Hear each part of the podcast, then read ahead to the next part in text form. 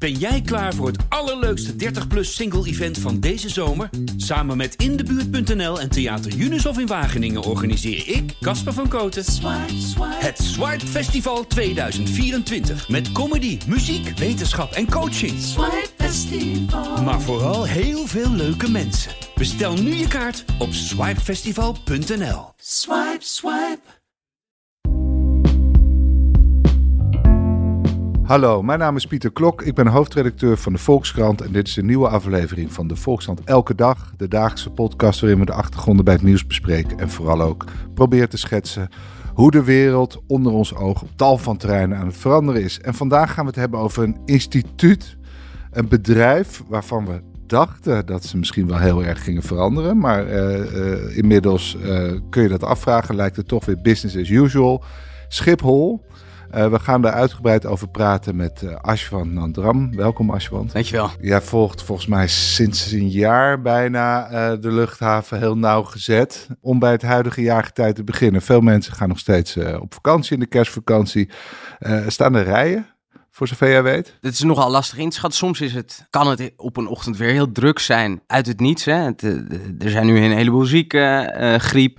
Het is een, een, nogal kwetsbare operatie. Dat mm -hmm. geeft Schiphol zelf ook toe. Maar waarin zit die kwetsbaarheid precies? Want er staan hoe, hoeveel beveiligers staan op een normale dag te werken? Want daar gaat het om, hè, de beveiliging. De mensen die controleren of je, niks, uh, of je geen wapen bij je hebt. Qua cijfers is dat lastig in te schatten. Dat is ook lastig in te schatten voor Schiphol zelf. Want mm -hmm. zij, hebben, uh, zij vragen een x aantal manuren aan. Maar voor de rest is de, de operatie eigenlijk belegd bij vijf verschillende uh, beveiligingsbedrijven. Hmm. Dus die worden geacht mensen te leveren.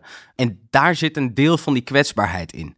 Dat zijn dus mensen die Schiphol niet zelf heel dichtbij heeft staan. Ja. Dus als er zieken zijn, dan krijgen ze dat via de beveiligingsbedrijven te horen. En dan kan het zomaar voorkomen dat daar... Uh, Niemand is. Ja, of te weinig is. Dat zagen we. Uh, en dit is een probleem eigenlijk dat al het hele jaar speelt sinds, sinds de meivakantie van, van 2022. En eigenlijk door het jaar heen, ondanks het feit dat dat Schiphol een heleboel probeert om die, om die operatie overeind te houden. Zag je het in september en ook nog in oktober, dat er toch nog dagen kunnen zijn, eigenlijk uit het niets, ja. dat het weer heel druk is. Maar het laat zich niet voorspellen. Het laat zich heel lastig voorspellen. En dat is ook wel een van de dingen, uh, ja, we gaan het er als het goed is, zometeen nog, uh, nog verder over hebben. Er is een nieuwe topman, hè? Dick Benschop, die, die zwaaide de scepter uh, lange tijd. En, en, en, die is uiteindelijk opgestakt. Die is vervangen door een interim uh, directeur, Ruud Zondag. En een van zijn belangrijkste prioriteiten heeft hij ook zelf aangegeven. Ik wil die operatie stabieler maken. Mm -hmm. En er zijn een aantal dingen die, daar, die, die daarvoor nodig zijn. Dat is meer mensen, het werk aantrekkelijker maken en ervoor zorgen dat er minder pieken zijn. Ja. Schiphol is nu nog heel, ingericht, heel erg ingericht om op bepaalde dagen. De meivakantie is notoir daarvoor. Mm -hmm. Daar worden in, in, in drie weken gaat bijna heel Nederland uh, stapt, uh, stapt in het vliegtuig. En dan zit er echt een aantal dagen waar een soort van een topprestatie wordt gevraagd van Schiphol. En daar bleken afgelopen zomer dat ze daar gewoon niet meer uh, toe in staat zijn. Uh... Dus hij wil dat gelijkmatig gaan verdelen. Maar, maar, normaal is het dus zo, Schiphol ziet natuurlijk heel precies en ver van tevoren welke vluchten er allemaal vertrekken. Op basis daarvan maakt zij een inschatting, dan willen we op dat tijdstip ongeveer zoveel beveiligers. Dus in normale omstandigheden zou de wachtrij ongeveer altijd even lang kunnen en moeten zijn. Ja. Uh, maar omdat er af en toe ineens mensen wegvallen en die zitten dan bij vijf verschillende bedrijfjes, vaak ook nog. Dus ja. die bedrijfjes weten van elkaar niet of er iemand wegvalt. Dus kunnen, kunnen ze dan elkaars ondercapaciteit dan nog opvangen op de een of andere manier? Of is dat juist het probleem? Dat is, dat is, dat is het probleem. Ja. Dat, is, uh, dat is exact het probleem. Nou is dit natuurlijk niet iets wat Schiphol, wat, wat afgelopen jaar plotseling gebeurde. Ik bedoel, Schiphol is altijd wel een plek geweest dat gebouwd is op pieken. Mm -hmm. Dat was een hele robuuste organisatie tot corona ja. toesloeg. En toen heeft, heeft de luchthaven zelf, maar ook de beveiligingsbedrijven, maar ook de uh, KLM's en de, en de Corendons en de TUI en zo, die hebben toen op een gegeven moment gezegd, ja, we weten niet wanneer dit weer aantrekt, dus we vragen mensen om, uh, uh, ja, of we ontslaan ze of we verlengen contracten niet meer. Dus die organisatie was ontzettend uitgedund. Ja. En als je je het herinnert, het is nu begin 2023, een jaar geleden begonnen we het jaar nog in een lockdown. Ja. Dus die hele sector was er niet op berekend dat, dat de vraag naar reizen weer toe zou nemen. En dat zorgde uiteindelijk maar dus pre-corona, toen waren de arbeidsvoorwaarden net zoals nu, of althans inmiddels zijn ze wat verbeterd. Toen lukte het toch om met die arbeidsvoorwaarden voldoende mensen te trekken. Alleen tijdens corona zijn er heel veel vertrokken en, en lukt het niet meer. En wat wij bij de krantenbezorgers natuurlijk ook hebben gezien bij DPG. Eh, bedrijf waar wij in zitten, is het niet meer gelukt om, om, om weer mensen terug te, te halen arbeidseconomen zeggen, mensen zijn op drift geraakt. Ze zijn gaan zwerven over de arbeidsmarkt, zijn misschien op plekken beland waar ze beter betaald kregen. Ja, en dan wordt het plotseling heel lastig om ze terug te krijgen. Ja. En dan moet je plotseling als Schiphol gaan, gaan letten op de arbeidsvoorwaarden. Want daar wordt nu gesproken over, ja, de roosters zitten toch best krakkemikkig in elkaar. Hoe kan het, vraagt de nieuwe topman, hè, Ruud Zondag zich af, hoe kan het toch dat we mensen jarenlang hebben gevraagd om, uh, om maandagochtend om half zeven te beginnen tot half tien? En dat er dan een, een, gat in het rooster zit van drie uur. Dat mensen dan niet kunnen werken en daarna weer uh, ingeroosterd worden. Hoe kan het dat de bedrijfskantines dat die zo verwaarloosd zijn? Daar hoeft hij ook lang als werkgever niet echt over na te denken. Als, als, ja, als iedereen toch al, eh, als je die toch al aan je hebt. Maar pre-corona is natuurlijk Schiphol wilde heel graag lage kosten hebben, hè, zodat de luchtvaartmaatschappijen ook lage havengelden, heet dat geloof ik, hoefden door te rekenen. Dus ze hebben eigenlijk uh, vanaf 2012, volgens mij, hebben ze echt heel erg de nadruk op de kosten gelegd. Uh, en daardoor ook uitbesteed. Want dat is natuurlijk ook een manier om de kosten verder naar beneden te krijgen. En, en, dat, en, en dat ging jaren goed tot corona. Is dat dan ongeveer het beeld? Ja. Nu is, is een nieuwe directeur die gaat zeggen van ja, we moeten alsnog het allemaal veel aantrekkelijker maken. Wat, wat kan Schiphol nog meer doen? Gaan ze ook tegen luchtvaartmaatschappijen zeggen van, dat hebben ze volgens mij al gezegd, minder vluchten jongens? Nou, er zijn een aantal dingen gebeurd vanaf de, vanaf de zomer. Even een klein stukje terugkijken. Op een gegeven moment liep die geoliede machine, wat, wat, we, waar we Schiphol natuurlijk van kennen, liep vast. Toen hebben zij gezegd, nou ja, we gaan de, het, het salaris verhogen. Dus we gaan de, uh, dat is eigenlijk de belangrijkste ingreep. En toen bleek dat onvoldoende te werken. En toen zei ze, oké, nou, er is nog een andere knop waar we aan kunnen draaien. En dat is vragen aan de luchtvaartmaatschappijen zorg dat je niet te veel passagiers eigenlijk uh, meeneemt. Dus beperk het aantal tickets. Nou, dat was een ingrijpend besluit. Daar hebben ze aanlopen draaien. Dus ze hebben een reizigersplafond ingesteld en weer verlengd en weer verlengd. Dus die, die tot op heden, dat is ook een van de redenen waarom het nu nog betrekkelijk rustig is. Omdat ze gewoon hebben gezegd, er is een maximum aantal passagiers dat hier door die beveiliging kan. Mhm. Dus je kan gewoon niet meer tickets verkopen. Want er eh, zijn al minder vluchten, merkte ik toen ik laat zelf bij Transavia iets probeerde te boeken. Dat ik dacht, volgens mij zijn er minder vluchten dan voorgaande jaren. Ja, klopt. En dat is hier een direct gevolg van. Ja, dus in dit seizoen zou er zo'n 50.000 uh, eh, of 53.000 vertrekkende passagiers normaal kunnen vertrekken. En Schiphol heeft nu een plafond ingesteld van 50.000. Ja. Dus het, het, ja, het, het gaat om, om, om, om 3000 uh, um, passagiers. Nou, dat zijn minder. toch al, uh, ja. ja, dat zijn toch al snel hoeveel, hoeveel vluchten? 25 à 30 vluchten misschien? Ja, het hangt een beetje vanaf wat, met wat voor toestellen je vliegt. En, ja. Oké, okay, maar die, die nieuwe baas wil ik naartoe, die, die Ruud Zondag. Ja. Want uh, nou, jarenlang was Dick Benschop. Uh, die heeft geprobeerd dit op te lossen. Maar uh, nou ja, de, de vraag is of hij het juiste profiel had. Hè? Want wat was Dick Benschop voor man? Dick Benschop is een bestuurder. Komt uit de politiek, is staatssecretaris voor de PvdA geweest. Bouwde in de jaren negentig een politiek netwerk op in Den Haag. Mhm. En dat gaf hem vleugels. Dat zorgde ervoor dat hij daarna bij Shell aan de slag kon. En werd op een gegeven moment aangetrokken om, om bij Schiphol te, de baas te worden.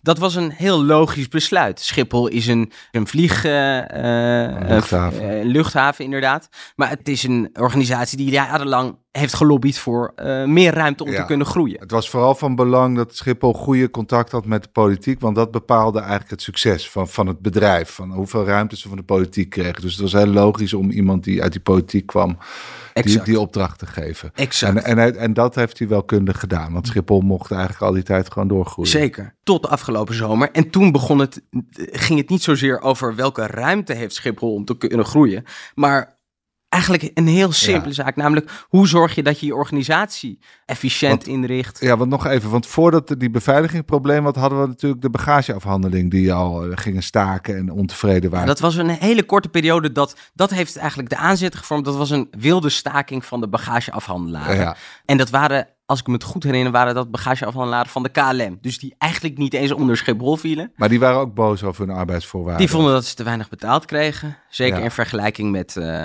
met andere eh, werkgevers. Dus Had dat ook met corona te maken? Dat ze, dat ze daardoor wat meer om zich heen waren gaan kijken en ineens zagen van Jezus, eh, wat, wat een zwaar werken Ja. eigenlijk. En wat krijgen we er weinig voor betaald? Ja.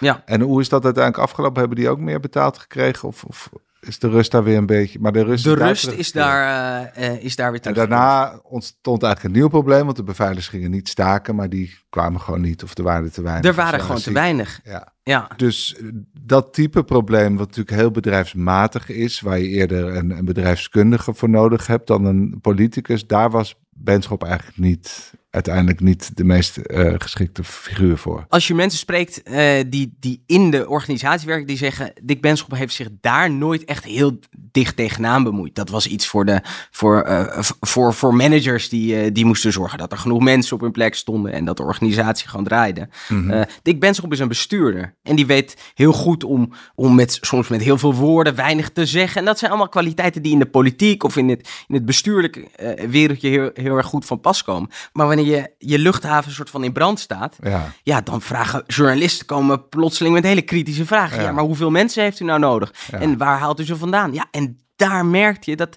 dat sloop op een gegeven moment ook een beetje in hem. Ik, ik, ik, heb, ik heb eh, ook wel eens bij persconferenties gezeten. En dan, en dan zag je dat hij dat toch niet van zich af wist te schudden. Op een gegeven moment koos hij ervoor om te zeggen... Nou, ik zie dit in ieder geval zelf niet meer eh, eh, zitten om dit... eh, maar hij had een zekere wolligheid, merkte je ook bij die persconferentie. Het was niet iemand die heel Juist. direct en strak communiceert en, en, en de indruk wekt dat, dat hij de regie heeft en Nee. dat hij dit varkentje wel eens even zal gaan wassen. nee, Nee. En, die zondag, nou, ik ken hem niet.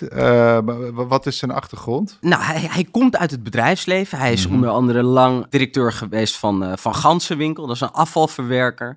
Baas geweest bij, eh, bij Eneco. Hij komt echt uit het, uit het bedrijfsleven. En dat merk je ook in de manier hoe hij eh te werk gaat. Hij is ten eerste in de manier hoe hij communiceert. Heel open, heel direct. Er zit een bepaalde opgewektheid in hem.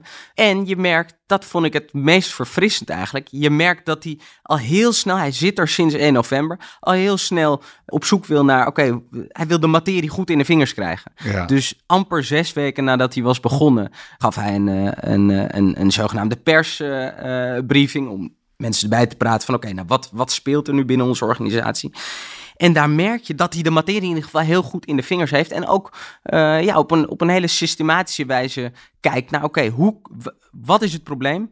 En hoe moeten we dit eh, eh, oplossen? Ja. Een aantal dingen zijn al gebeurd. Hè? Dus, dus eh, eh, personeel beter gaan betalen. Hij herkent, we moeten die roosters beter maken. We moeten ook aan onze aantrekkelijkheid als bedrijf gaan werken. Dus Ja. onze kantines. eh, eh, Maar wil hij ook weer dingen, eh, uitbestedingen terugdraaien? Dat hij zegt, laten we die beveiligers in godsnaam weer in eigen, eigen hand nemen. Want eh, dan hebben we er veel meer grip op. Ja, zover gaat hij nog niet. Wat hij wel zegt is waar mensen ons verantwoordelijk voor houden, Ja. daar moeten we ook onze verantwoordelijkheid voor nemen. Ja. Dus wat hij doet, hij neemt wel meer regie op. Oké, wat zijn de arbeidsvoorwaarden van, van die beveiligers die ik weliswaar niet op mijn loonlijst heb staan, maar waar wij ons wel eh, over moeten Ja, de gemiddelde reiziger denkt gewoon dat zijn mensen van Schiphol. Ze En hebben een aan. handelen. Ze staan daar eh, eh, achter die CT-scanners of me te fouilleren. Dit zijn Schiphol-medewerkers. Ja.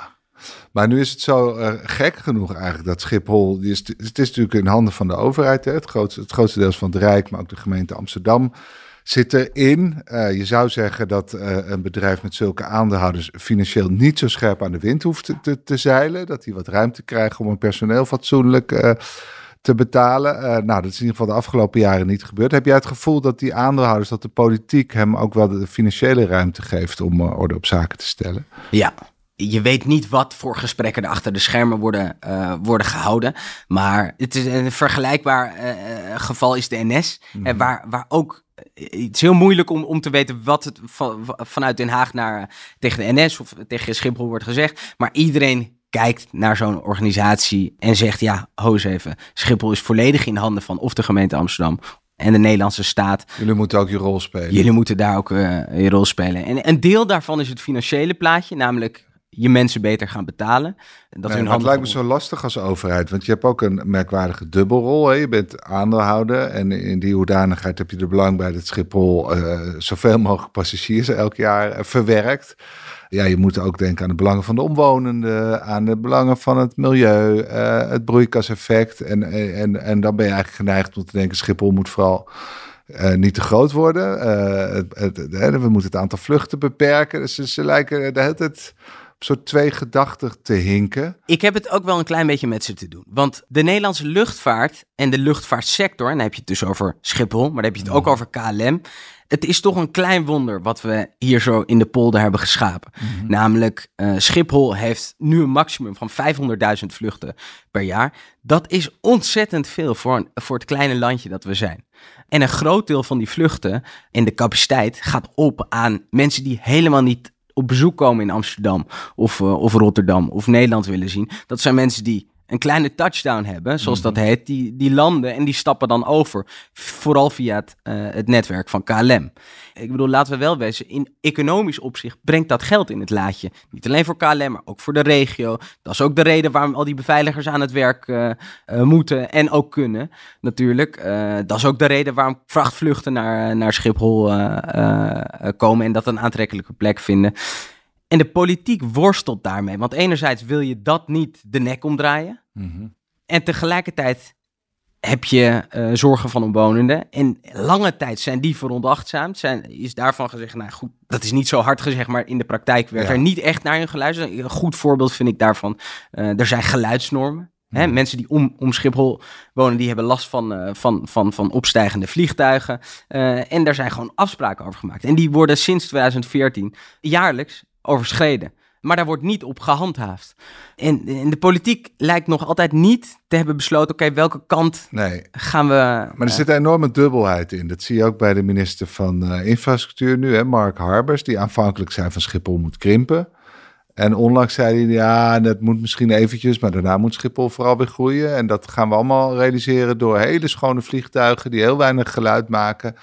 Zie je die dubbelheid daar ook? Dat wat, is, een, dat, is, dat, is zo'n goed, dat is zo'n goed voorbeeld daarvan. Afgelopen zomer kondigde uh, inderdaad het kabinet aan, uh, minister Harbers aan, die zegt, nou, we gaan, Schiphol gaat krimpen. En iedereen vatte dat op en uh, als een soort, oh, dit is een verandering in denken van de politiek over hoe we omgaan met de luchtvaart, hoe we omgaan met Schiphol. Bert Wagendorp in onze eigen krant, die schreef, ik kan het eigenlijk bijna niet geloven dat dit, mm dat dit nu gebeurt.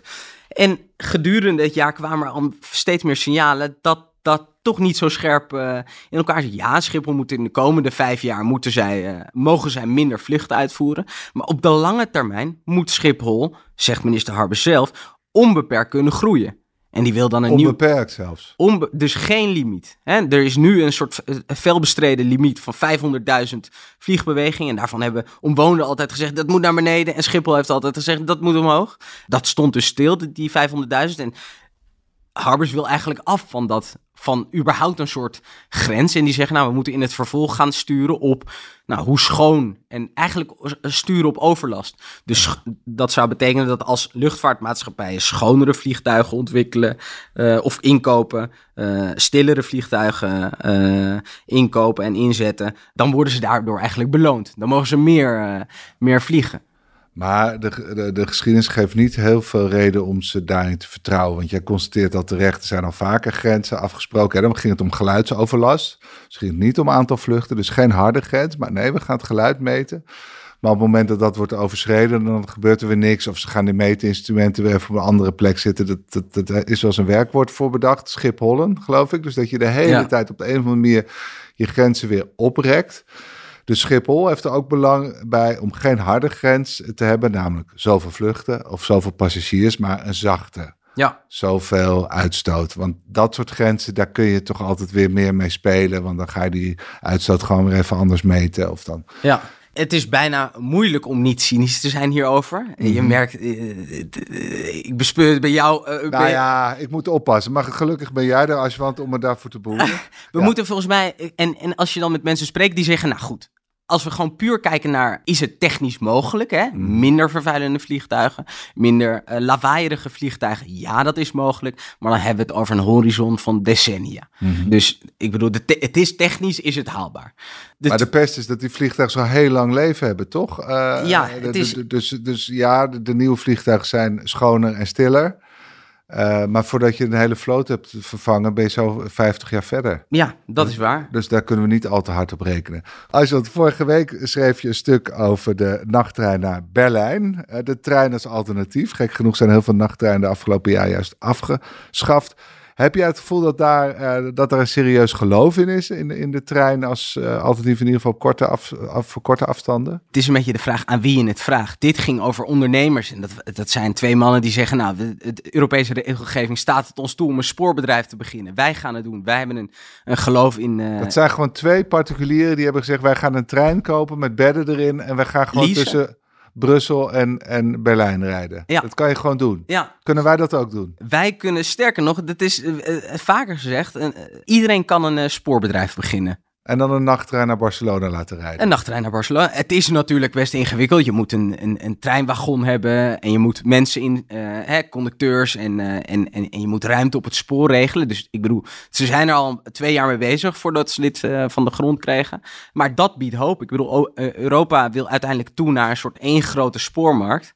Dus dat is wel hoopvol. Want, want inderdaad, daar is ook weer veel discussie over. Ook in Nederland moet je de concessie automatisch aan de NS gunnen. Of moet je nieuwe spelers de ruimte geven. Nou, dit is eigenlijk een voorbeeld waarbij het heel goed werkt om nieuwe spelers de ruimte te geven. Die zijn misschien flexibeler. Die denken ondernemender dan die ouderwetse spoormolochen. Die oude, eh, de, eh, de Nederlandse spoorwegen, Deutsche Bahn, eh, de Franse spoor, eh, het, het Franse spoorbedrijf, die hebben in het verleden, hadden een groots netwerk van slaaptreinen, hè, nachttreinen. En, eh, dat je ochtends instapt in Amsterdam en daarna in Milaan uitkomt of Kopenhagen. En als je daar gewoon puur uit duurzaamheidsoogpunt naar kijkt, dan is dat een, een perfect alternatief voor, eh, voor het vliegtuig. Eh, maar dankzij de opkomst van al die budgetmaatschappijen, EasyJet en zo, ja, zijn die een beetje van, eh, eh, daarvan afgestapt. En nu vanuit Europa, maar ook gewoon vanuit. eh, er zijn steeds meer mensen die rondlopen met een bepaalde vliegschaamte. Mhm. Het blijkt er toch best een markt te zijn voor mensen die, Ja. eh, die met de trein gaan. Maar goed, ook dat gaat nog, eh, Heel lang duren. gaat nog heel lang duren. Maar moet vliegen dan toch ook niet echt duurder worden? Want nu inderdaad heb je alleen vliegschaamte wat mensen de treinen injaagt. Want het is nog steeds niet goedkoper. Het duurt nog steeds langer. Heb je het idee dat er serieus na wordt gedacht om vliegen duurder te maken? Een van de makkelijkste manieren wat je zou kunnen doen is het, is het belasting heffen over kerosine. Ik ben nog bezig met een verhaal daarover. Ik probeer daar eens in te duiken. Maar dat, zijn, dat is ooit in 1946 is dat ooit afgesproken. Dat dat heel moeilijk Maar het is eh, toch absurd? Ja, eh, de Europese Commissie die is, zegt, zei vorig jaar dat ze bezig waren met een, eh, een plan om, daar, om dat te gaan doen. Maar dat, is, eh, eh, dat, is, dat komt vooralsnog niet, eh, niet van de grond. En Eh, luchthaventax, die, die is geloof ik wel... eh, Die is sinds dit jaar eh, verhoogd. Dus normaal betaal je 8 euro, volgens mij uit mijn hoofd. En dat, en dat wordt nu 23 nog wat. Maar goed, dat zijn peanuts. En als er één ding is waar iedereen het over eens is, dat is dat de vraag naar vliegreizen nog lang niet. eh, gaat, die gaat niet snel dalen, denk jij? nee, Oké, dus de hoop tijdens corona dat, dat zeker zakenreizen minder vaak nodig zouden zijn, omdat je heel goed op afstand kunt vergaderen.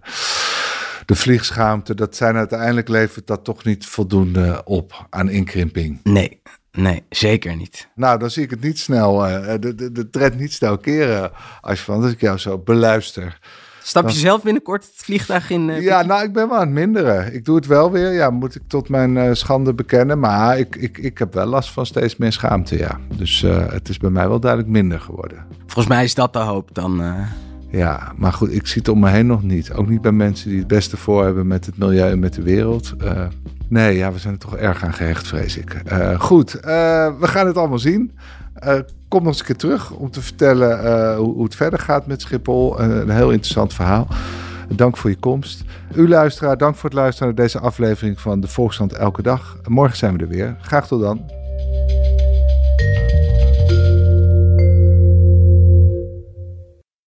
Ben jij klaar voor het allerleukste 30-plus single-event van deze zomer? Samen met Indebuurt.nl en Theater Junushof in Wageningen organiseer ik, Casper van Koten, het Swipe Festival 2024. Met comedy, muziek, wetenschap en coaching. Maar vooral heel veel leuke mensen. Bestel nu je kaart op swipefestival.nl. Swipe, swipe.